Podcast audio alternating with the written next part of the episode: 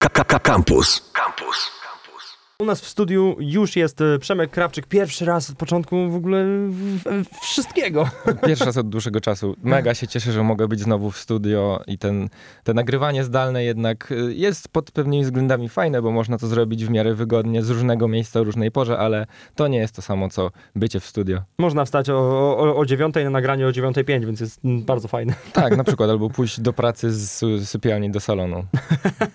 Idealnie. No właśnie, dzisiaj będziemy rozmawiać e, o tym, jak e, w naszym biznesie zaoszczędzić trochę więcej pieniędzy, czyli taki mini poradnik, a raczej nie mini, tylko taki dłuższy poradnik, e, który możecie wykorzystać praktycznie od razu. No To tak. są takie porady, które faktycznie możemy od razu wprowadzić w naszą, w naszą działalność, albo sprawdzić, które z tych punktów możemy w ogóle wykorzystać. No tak, w każdym biznesie, w każdej firmie możemy powiększyć zysk na dwa sposoby. Albo zwiększamy przychód, albo zmniejszamy koszty. I dzisiaj zajmiemy się tym, tym drugim sposobem na powiększanie zysków, czyli jak zmniejszyć swoje wydatki w firmie. I przygotowaliśmy takich kilkanaście, dokładnie 11 punktów.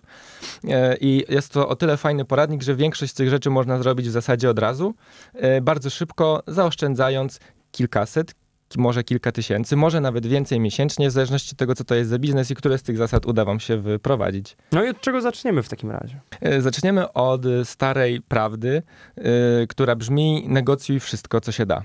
I bardzo często, jak widzimy na przykład na stronie internetowej jakiejś innej firmy, naszego dostawcy czegoś, cenę, i ona jest ceną X, to zafiksowujemy się na tej cenie i myślimy sobie, dobra, to dam tyle będę miał, nie dam, nie będę miał, może sz- poszukam taniej, może się nie da taniej. A prawda jest taka, że praktycznie e, każdą, każdą rzecz, każdą usługę da się też negocjować. Zawsze można zacząć od niewinnego wysłania maila z pytaniem, czy istnieje może jakaś możliwość, żeby nowy klient, czyli ja, mógł skorzystać z jakiejś specjalnej oferty na początek.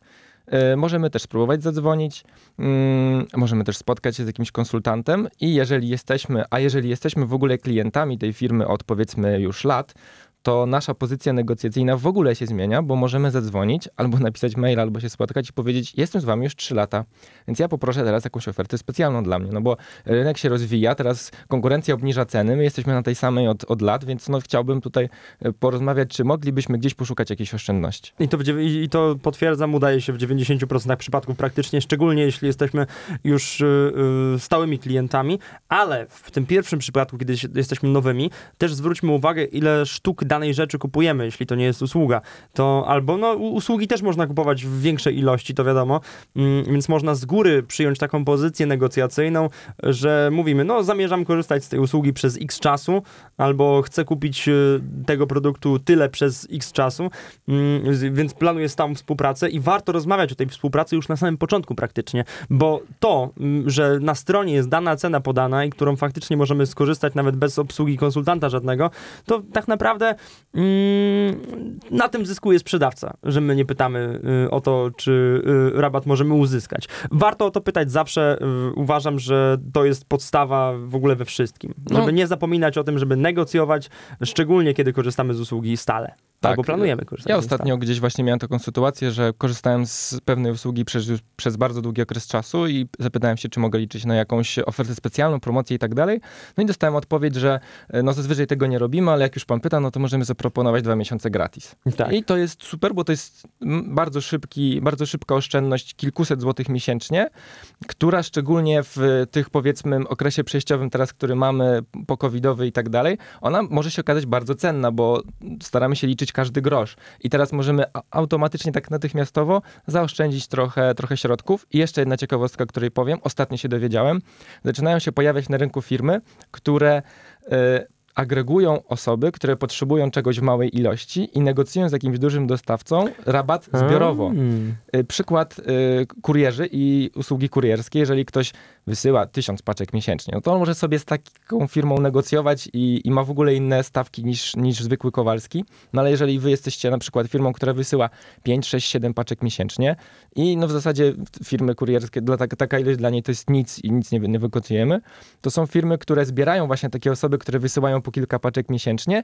i mając takich osób kilkadziesiąt, kilkadziesiąt pod sobą, to one negocjują tą niższą cenę z tym dostawcą. Więc ja chcąc wysłać paczkę, już się nie y, kontaktuję bezpośrednio z z impostem na przykład, tylko dzwonię do tej firmy i mówię, no słuchajcie, właśnie mam paczkę jutro taką i taką, oni załatwiają za mnie całą tą wysyłkę, a ja płacę, płacę per paczka mniej, więc to jest też możliwość, żeby zaoszczędzić kilkadziesiąt, właśnie kilkaset złotych miesięcznie. Poszukajmy takich w otoczeniu właśnie firm, które mogą takie, taki, agregat y, stworzyć. A Tak. drugi punkt? Drugi punkt, mm, no to jest punkt, którego tak szybko aż się nie da wprowadzić, ale bardzo polecam, żeby się nad tym pochylić i zastanowić. I o tym już też mówiliśmy wcześniej z Kamilem. To jest e, zastanowienie się, czy e, nie zmienić jednoosobowej działalności gospodarczej na spółkę ZO dla tych, którzy mają właśnie tak zwaną e, JDG. I no tutaj oszczędność jest e, bardzo duża. E, Chociaż y, na samym początku już y, przy zmianie wydawałoby się, że musimy wydać na samo założenie spółki znacznie więcej, bo musimy przecież minimalny kapitał zakładowy takiej spółki to jest chyba 5 tysięcy złotych z tego, co ja kojarzę aktualnie. Tak, i chyba zrobimy odcinek o tym, jak Mhm. założyć spółkę ZOO, bo to może być fajny, praktyczny przewodnik, ale te 5 tysięcy złotych pamiętajmy, że to nie są pieniądze, które wpłacamy gdzieś i one mm, przepadają, jakby są kosztem, tylko to są pieniądze, które od pierwszego dnia funkcjonowania spółki są w spółce i można nimi zarządzać, czyli można je wydać. Czyli ktoś, kto bardzo ich potrzebuje, może w zasadzie tego samego dnia w jakiś sposób próbować je sobie wypłacić albo właśnie ponieść jakieś koszty, więc te 5 tysięcy to, to, nie jest, to nie jest wydatek, to jest tylko jakby kapitał zakładowy, można nim zarządzać. Tak naprawdę kosztami, które są przy założeniu spółki ZO, to są koszty takie y, sądowe, tak zwane, czyli trzeba iść do Wydziału Sądu Gospodarczego i zapłacić 700 zł, żeby zarejestrować spółkę, tam y, dać taką informację do takiego monitora, który się ukazuje raz na jakiś czas właśnie, że, że jesteśmy nową spółką.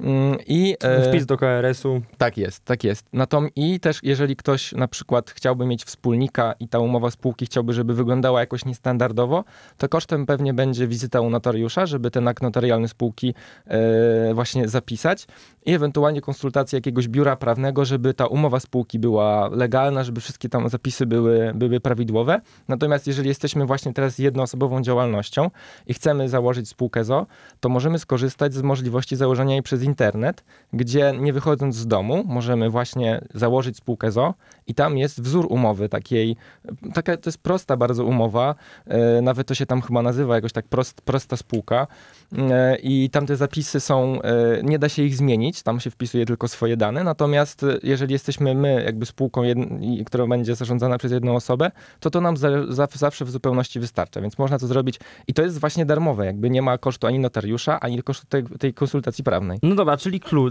Co tak naprawdę nam daje i w jakich, w jakich momentach y, prowadzenia działalności oszczędzamy na spółce ZO? Oszczędzamy przede wszystkim na niepłaceniu ZUS-u.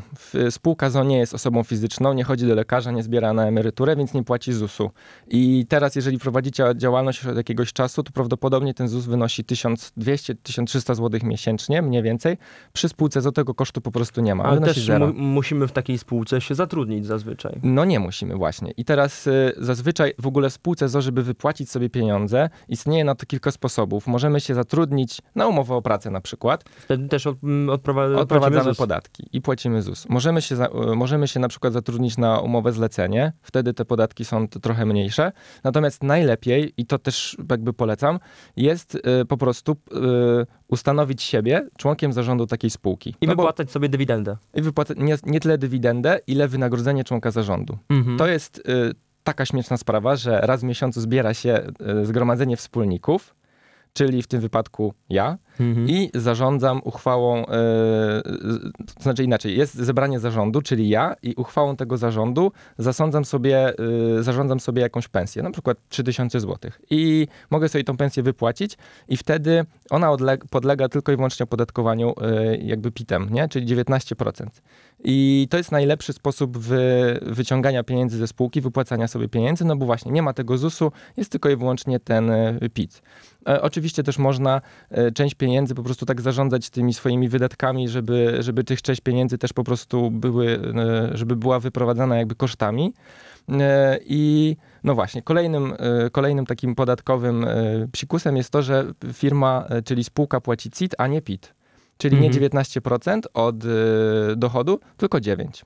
To ja może je, jeszcze dodam y, tak do spółki ZO, że nie tylko daje nam to oszczędności takie bezpośrednie, ale też spółkę ZO mm, inaczej się zarządza tam zupełnie środkami. Nie możemy sobie wypłacić y, z dnia na dzień pieniędzy z firmy i wydać na co chcemy prywatnie, więc to jednocześnie ogranicza nas w taki bardzo pozytywny sposób, uważam z perspektywy czasu, przed wydawaniem pieniędzy na swoje potrzeby, czy wypłacaniem y, pieniędzy poza własną pensją, którą, o której już mówiliśmy, że warto ją sobie ustanowić.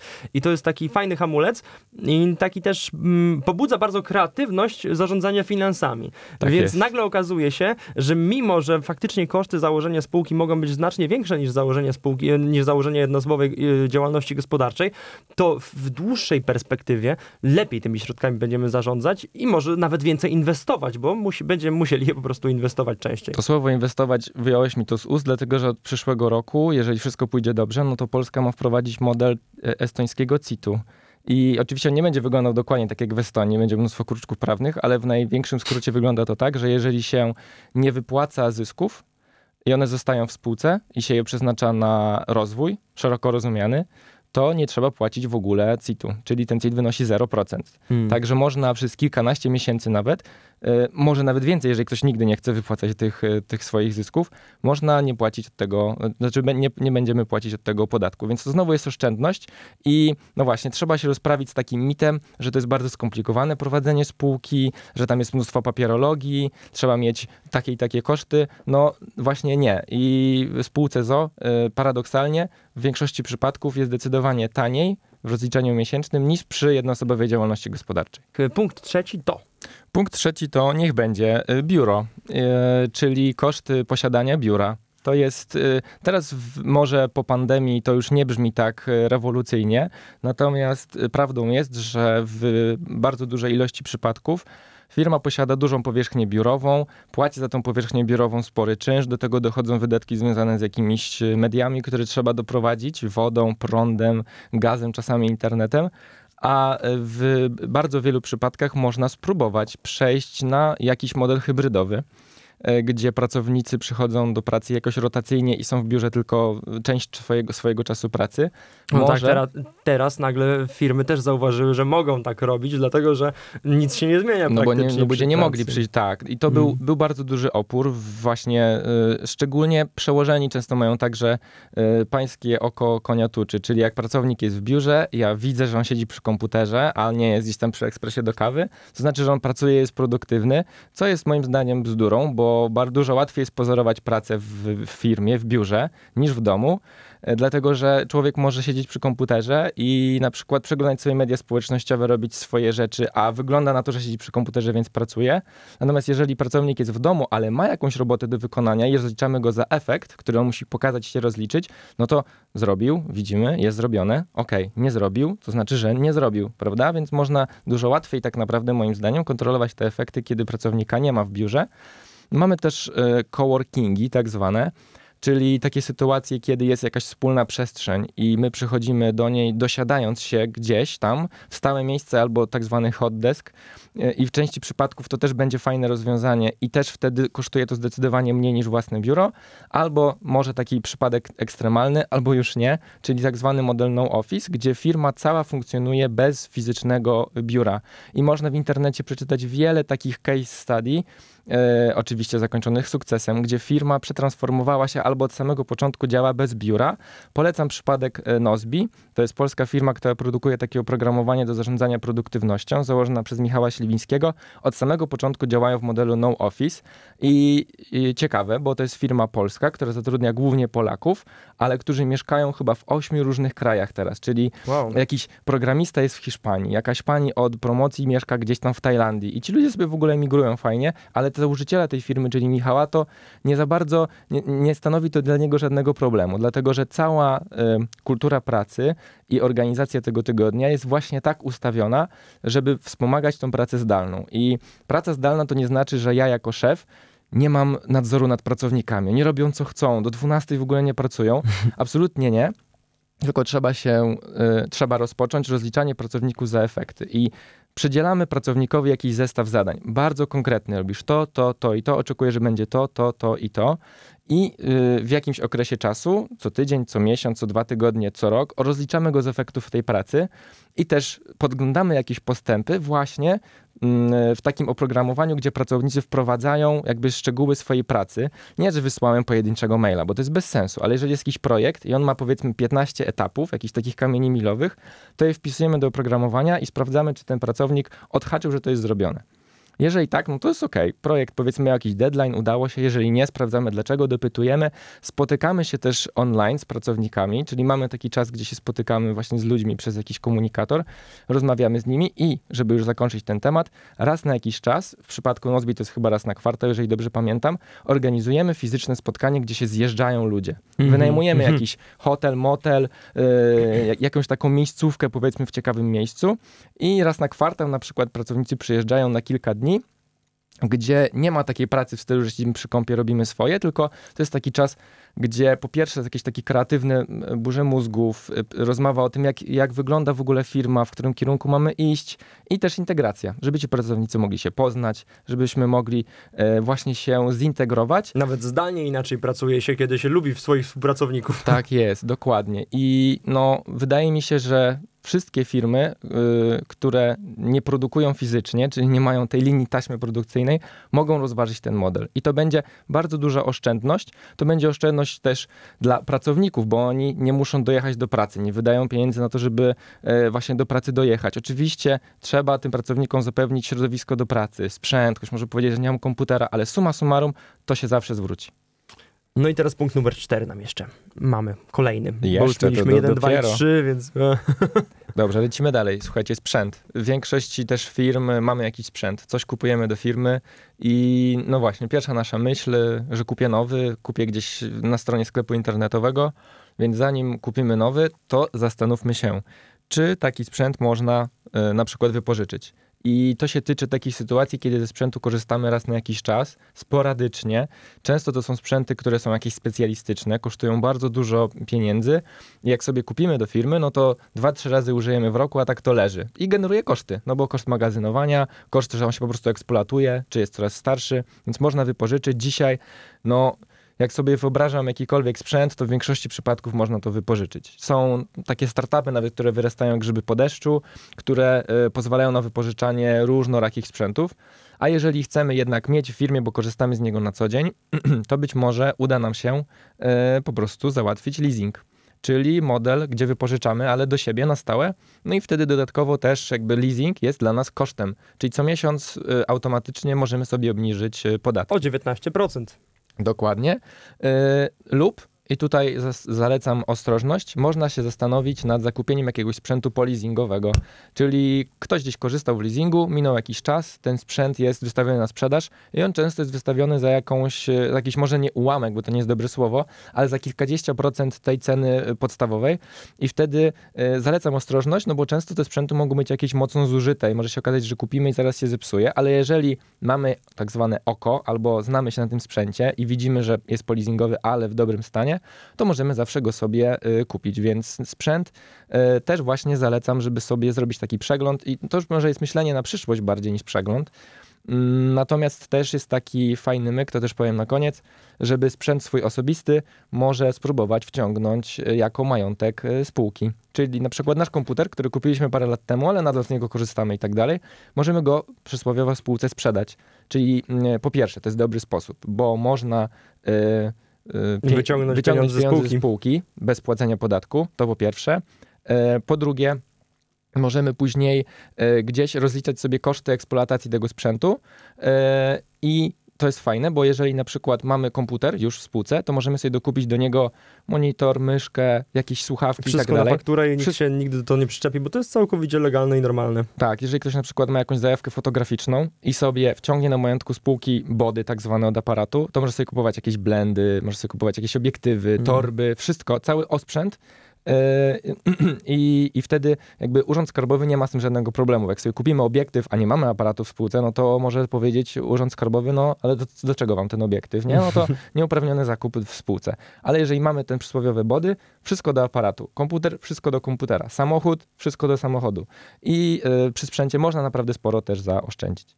Tak, ale jeszcze, jeszcze mm, jeśli kupujecie sprzęt dla pracowników i sami też do końca m, może nie wiecie, który będzie najlepszy, to też wypożyczenie jest fajną opcją, choćby żeby sprawdzić i nie dokonać takiego pochopnego zakupu, bo potrzebny na teraz. Tak, tak. I jeżeli nasza działalność się opiera na wykorzystywaniu jakiegoś sprzętu, to na nim nie oszczędzajmy. No bo jeżeli podstawową naszą działalnością jest tworzenie stron internetowych, jesteśmy deweloperem na przykład, no to komputer musimy mieć ekstra. Więc tutaj yy, yy, takie powiedzenie bogatych ludzi, że mnie nie stać na tanie rzeczy. Hmm. Kupujemy wypasiony sprzęt, ale taki, gdzie mamy te poczucie, czy tą, tą sprawdzoną yy, jakość, że on nam się nie będzie psuł i nie będzie na przykład przestojów w naszej pracy, więc też będziemy zaoszczędzać dzięki temu, że nie będziemy musieli naprawiać. No, nie? Dobra.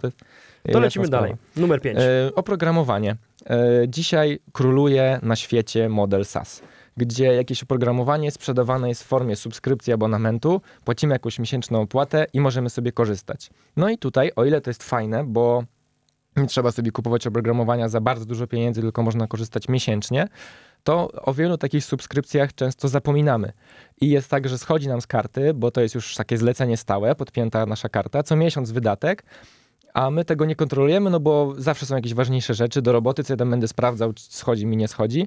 Po roku się okazuje, że jakby zebrać takie 100 zł miesięcznie, no to jest ponad 1000 zł, które zostały wydane gdzieś niepotrzebnie, bo z tego już nie korzystamy. Nie? No a propos subskrypcji, tak w, w, w prywatnym majątku przypomina mi się moja siłownia z której nie mogę zrezygnować. Mam poczucie, że jak z niej zrezygnuję, to zrezygnuję też ze wszystkiego innego. I, wisi te, te 45 zł na mojej karcie do dnia dzisiejszego i nie mam, ja wiem, że powinienem to zrobić, wiem, że już powinienem zawiesić albo, albo zrezygnować z tego, ale mam wrażenie, że jeśli to zrobię, jeśli zrezygnuję, to już nigdy w życiu tam nie pójdę. To jest dramat. Wiem, że utknąłem w błędnym kole. No tak, tylko wiesz, siłownia to też jest zdrówko, nie? Więc to można no. sobie w ten sposób pomyśleć, że inwestuję 45 zł w swoje zdrowie, nie? No, potem nie chodzę na siłownię. A potem nie chodzę na siłownię. Ale no, sprawdźmy. To, to, to była, to była tak, sprawdzamy, sprawdzamy, czy nie mamy niepotrzebnych subskrypcji. E, jeżeli mamy subskrypcje narzędzi płatnych, raz na jakiś czas warto się rozejrzeć, czy nie ma na rynku dostępnych bezpłatnych rozwiązań, takich substytutów. E, I często tak jest, e, że można po prostu sobie, mm, nie wiem, mamy oprogramowanie, które nie jest kluczowe dla, dla naszej firmy, ale jest przyjemnie, fajnie z niego się korzysta i znajdziemy gdzieś program, który jest darmowy i robimy mniej więcej to samo. No to przesiadamy się, wiadomo. I ostatnia, y, ostatni podpunkt do tego punktu. Y, jeżeli mamy SAS, który nam się podoba i korzystamy z niego stale, to raz na jakiś czas zazwyczaj są takie promocje, że można zakupić ten, y, że można zakupić sobie to oprogramowanie dożywotnio. Czyli abonament wynosi powiedzmy 50 zł miesięcznie, ale jeżeli zapłacisz 200-250 zł, to dostajesz go dożywotnio. I to jest super, no bo jeżeli wiemy, że będziemy korzystać więcej niż te parę miesięcy, no to kupujemy i od tych czterech miesięcy już mamy oszczędność. I wtedy też zazwyczaj tacy klienci, powiedzmy, dożywotni, są traktowani jakoś tam priorytetowo. Z mojego doświadczenia to wynika, że pierwsi mają jakieś aktualizacje, mm. mają jakieś bardziej wypasione funkcjonalności, wersje i na przykład często się firmy pytają nas w pierwszej kolejności, co warto zmienić, więc mamy też jakiś tam wpływ na rozwój tego narzędzia, e, więc możemy gdzieś tam e, swoje wskazówki tam im podawać. Więc e, no, rzeczywiście takie sytuacje się zdarzają. Często to jest przy okazji na przykład Bożego Narodzenia, tak, tak, właśnie. Mhm. Jakaś tam świąteczna oferta, kup dożywotnio y, tam subskrypcję, nie? Mhm. I wtedy warto się zastanowić, y, czy takiego kosztu nie warto ponieść jednorazowo, żeby później mieć taniej w przyszłości. Fajne, to jest bardzo fajna porada. Zresztą już kiedyś tak y, zrobiłem i do dzisiaj z oprogramowania korzystam, które zakupiłem jednorazowo właśnie z takiej subskrypcji. Przyszedłem, bo już z 3 lata. Więc wyobrażam sobie, jak, jak, mm. ile, ile zaoszczędziłem dzięki temu, że po prostu sprawdziłem, czy są promocje. Mm, tak. Dobrze, szósteczka. E, to jest porada dla firm produkcyjnych. Czyli e, sprawdzamy, czy nie możemy przypadkiem e, sprzedać naszych odpadów. I o co chodzi? Chodzi o to, że firmy produkcyjne produkują odpady, które muszą co miesiąc utylizować, wywozić, albo ktoś przyjeżdża i je zabiera, i to jest nasz koszt w firmie zastanówmy się, czy odpad dla nas nie może być surowcem dla innej firmy produkcyjnej. Taki klasyczny przykład, żeby na, unaocznić sytuację, czyli stolarz, który produkuje meble, zostają mu wióry, jakieś ścinki tego drewna i inna firma, która produkuje płyty, yy, jakieś tam wiórowe, odbiera od niego, yy, odbiera od niego te, te, te jego właśnie ścinki wióry i wykorzystuje w swojej firmie. I teraz mamy podwójną korzyść, bo czasami za taki odpad ta druga firma zapłaci, czyli mamy przychód, a my nie ponosimy kosztów związanych z utylizacją. Czasami nawet to może być tak, że my nie dostajemy tego, yy, nie ma tego przychodu, czyli oni odbierają to od nas za darmo, ale i tak zarabiamy, bo nie mamy kosztów związanych z utylizacją. Przypomina mi się nasz gość, którego mieliśmy całkiem, y, no tak dwa miesiące temu w Przekuć w Sukces, y, który y, Marcin. zbierał kawę Tak. w ten sposób. No i właśnie te duże korporacje, to dla Tak. nich jest koszt utylizacji, natomiast dla niego to jest surowiec i on go odbiera właśnie w modelu takim subskrypcyjnym, czyli, czyli tam comiesięczna opłata i takich przykładów jest mnóstwo, ale to, się- to się tyczy tych firm, które coś produkują i mają po prostu odpady, więc jeżeli ktoś jest jednak us- usługowy, no to, to ten punkt dla niego nie ma zastosowania, ale no cóż, to wszyscy, którzy coś produkujecie, zastanówcie się. Siódemka. Siódemka, czyli y, konto firmowe w banku.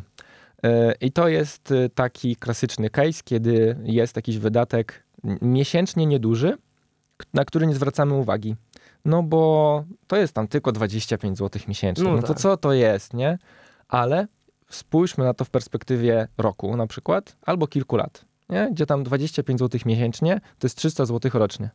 To jest 300 zł i teraz ktoś powie, Mhm. no znowu to są 300, ale lepiej mieć niż nie mieć, nie? I e, jeżeli chodzi o konto bankowe, to y, wybieramy rachunki bankowe, które mogą być albo darmowe w ogóle i są takie. Znaczy jest jeden taki bezwarunkowo darmowy, że nic nie trzeba jakby robić i tak się ma za, za darmo. Nie będziemy reklamować, ale jest też kilka takich banków, gdzie po spełnieniu pewnych warunków się ma za darmo. I to zazwyczaj prostych, w stylu zrób jedną transakcję kartą i mniej przychody za 2000. Albo raz w tygodniu zrób przelew do Urzędu Skarbowego y, CIT i wtedy masz za darmo. I te koszty y, wtedy nam spadają do zera. Mm, Albo po prostu wybierzmy konto, które mamy najmniejszy możliwy koszt, bo też y, właśnie ludzki mózg, jako że jest leniwy, tak się do czegoś przyzwyczai, to nie lubi zmian, czyli o, już mam w tym y, banku X od 15 lat, co ja będę zmieniał. E, No ale to jest właśnie nieprawidłowe podejście, no bo e, te oferty zmieniają cały czas. A nawet jak mamy w banku X od tych kilkunastu lat, to często mamy jakiś przestarzały rodzaj tego konta, nie? że już są inne rodzaje rachunków, darmowe albo mniej płatne, Mhm. ale my mamy ten płatny i bank nas nie zachęca do zmiany, no bo po No, co? No płacimy bo im. płacimy im, nie? Dzwonimy do konsultanta i się pytamy, ja jestem z wami od tylu lat i kurczę, widzę te 40 zł miesięcznie rachunek, za opłatę za prowadzenie rachunku, jeszcze 15 zł za kartę, no bez sensu, nie? Albo za przelewy muszę płacić. E, Słuchajcie, co mogę zrobić, żeby płacić jak najmniej albo w ogóle? I często ten konsultant wtedy, słysząc, że no, jeżeli nie, nic nam nie zaproponuje, no to zmienimy bank, to wtedy mówi, a no bo pan to ma taki stary rodzaj rachunku, w ogóle już takich nie otwieramy od kilku lat, proszę pana. To nikt do pana nie zadzwonił? Dziwne. To ja tu pan zaproponuję, jakie jest konto Active, że pan tam raz przelew zrobi, jest za darmo, nie? No i się okazuje, że e, to są, bo to są takie... Mm, to są takie sposoby na zm- zmniejszenie kosztów, błyskawiczne i to jest niby tam 40 zł miesięcznie, ale no żeby... Mm, Ale to dalej jest 40 zł i nawet jeśli Wystarczy- słuchacie tej audycji i nie posiadacie firmy, to pomyślcie dokładnie w tych samych kategoriach o swoim budżecie domowym. dokładnie. Bo naprawdę znam mnóstwo osób, które mają właśnie stare rachunki w bankach, które mm, są pootwierane też w takich bankach takich nieinternetowych, z których nie bardzo się korzysta i są dodatkowo płatne, mm, a mają obok mm, opcję, w którą po prostu mieliby dokładnie za 0 zł, ban- y, opłaty totalnie nic, bankomaty nic, a tak to za wszystko praktycznie płacą. No dlatego mówię, zwróćcie uwagę na to, czy w waszym banku albo czy w innym banku nie będzie znacznie lepszej oferty, z której korzystacie, bo konto bankowe to jest podstawa w XXI wieku, uważam. S- Poświęcicie na to 10 minut. Słuchajcie, są porównywarki. Wpisujecie porównywarka kont bankowych i jest ich mnóstwo, y, gdzie wpisujecie, ile przelewów miesięcznie robicie, jakie macie przychody, czy korzystacie z karty, czy nie, i wam wypluwa sam po prostu ranking, gdzie jest od góry najlepszy bank. Nie? I jest wszystko fajnie wypisane.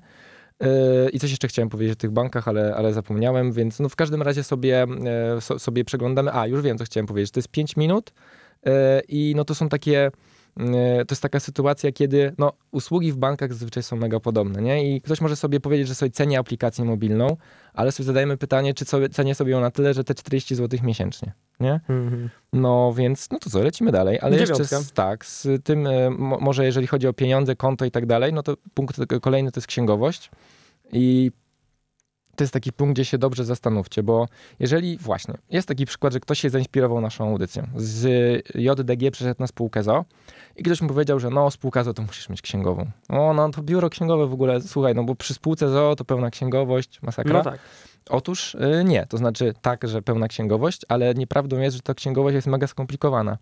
Jeżeli mamy, JD, jeżeli mamy spółkę ZO i rozliczamy się tak, że pracujemy gdzieś u kogoś i mu wystawiamy dosłownie jedną fakturę w miesiącu, to możemy śmiało zamienić biuro księgowe na korzystanie z księgowości internetowej. Mhm. Yy, ona jest zazwyczaj połączona z możliwością wystawiania faktur, czyli jest trochę tak, że po prostu sobie ustawiamy przypomnienie w telefonie raz w miesiącu, żeby ogarnąć księgowość, wchodzimy tam na pół godziny 40 minut, wprowadzamy dane tej tam jednej faktury i automatycznie dostajemy, yy, dostajemy automatycznie jakby wyciąg, jest napisane zrób przelew taki tutaj na ten numer konta o takiej kwocie z takim tytułem, Narzędzi w ogóle do prowadzenia księgowości jest cała masa w internecie i to naprawdę nie jest trudne i nie warto się, i, i, i nie, nie trzeba się tego bać, ani od razu zatrudniać księgowej do, do dwóch faktur, które w miesiącu wystawiamy. I one są często darmowe, te programy do wystawiania faktur, bo tam na stronie się nam wyświetli raz reklama i, Tak. i po prostu firma swoje, swoje zarabia.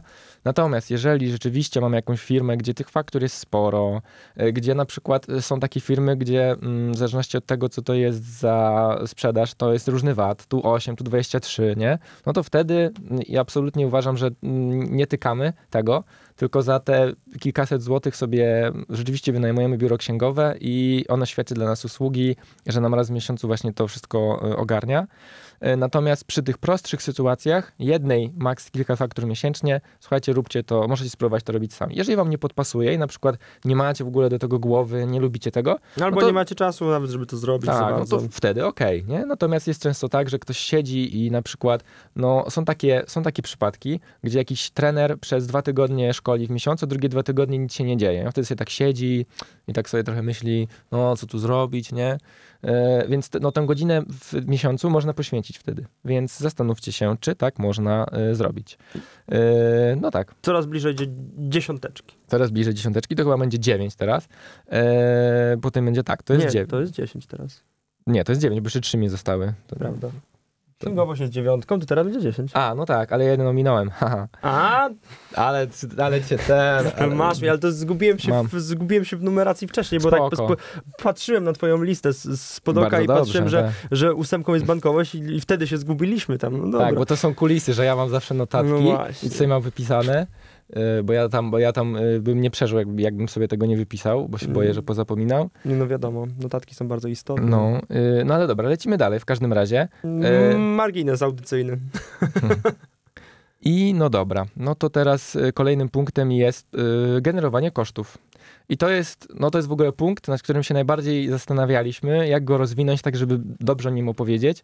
No bo jak znamy kogoś, kto prowadzi firmę, no to ten ktoś mówi często, no y, słuchajcie, trzeba tak zarządzać kosztami, żeby nie płacić żadnych podatków. I jak widzicie, że tutaj wam wychodzi podatek, to idziecie do sklepu, coś kupujecie, żeby zbić do zera, albo w ogóle nawet wejść na minus. Słuchajcie, nie, żeby nie płacić żadnych podatków. E, No i okej, zgadzam się tylko częściowo z tym stwierdzeniem, że warto jest płacić jak najmniejsze podatki, natomiast generowanie kosztów tylko i, wyłą- tylko i wyłącznie dlatego, żeby zmniejszyć podatki, jest samo w sobie głupie i nieprawidłowe. No ja bym generalnie tutaj jeszcze powiedział, że mm, raczej nie patrzeć na to, na, na to z perspektywy takiej, że mamy podatek do zapłacenia, więc warto coś kupić. Mm, spojrzeć na to, mamy podatek do zapłacenia, to pomyślmy, w co możemy zainwestować te pieniądze, żeby, żeby nam to się kiedyś zwróciło. No i no, wszystko opiera się o to, żeby to robić po prostu mądrze i z głową, a nie kupować, a nie spełniać swoje zachcianki, bo podatek. Tak, jeżeli jesteśmy, jeżeli mamy taką sytuację, że widzę, że mam podatek do zapłacenia i zaczynam myśl, wymyślać koszt, to znaczy, że powinienem przestać to robić i zapłacić ten podatek. Natomiast jeżeli na przykład wiem, że w tym roku będę chciał kupić coś, nie, co kosztuje nam powiedzmy 10 tysięcy złotych. I mogę to zrobić do maja, do końca maja na przykład, to zastanówmy się, w którym miesiącu będę miał największe przychody, żeby sobie w tym miesiącu ponieść ten wydatek, ten koszt i sobie w ten sposób poniżyć podatek. Nie? Czyli to jest trochę kwestia planowania. Inteligentne planowanie y, wydatków. Tak, tak, I wtedy to jest okej. Jakby takie właśnie układanie sobie, y, no wiem, że mi się szykuje duże zlecenie w lipcu, nie? Będę miał bardzo duży przychód.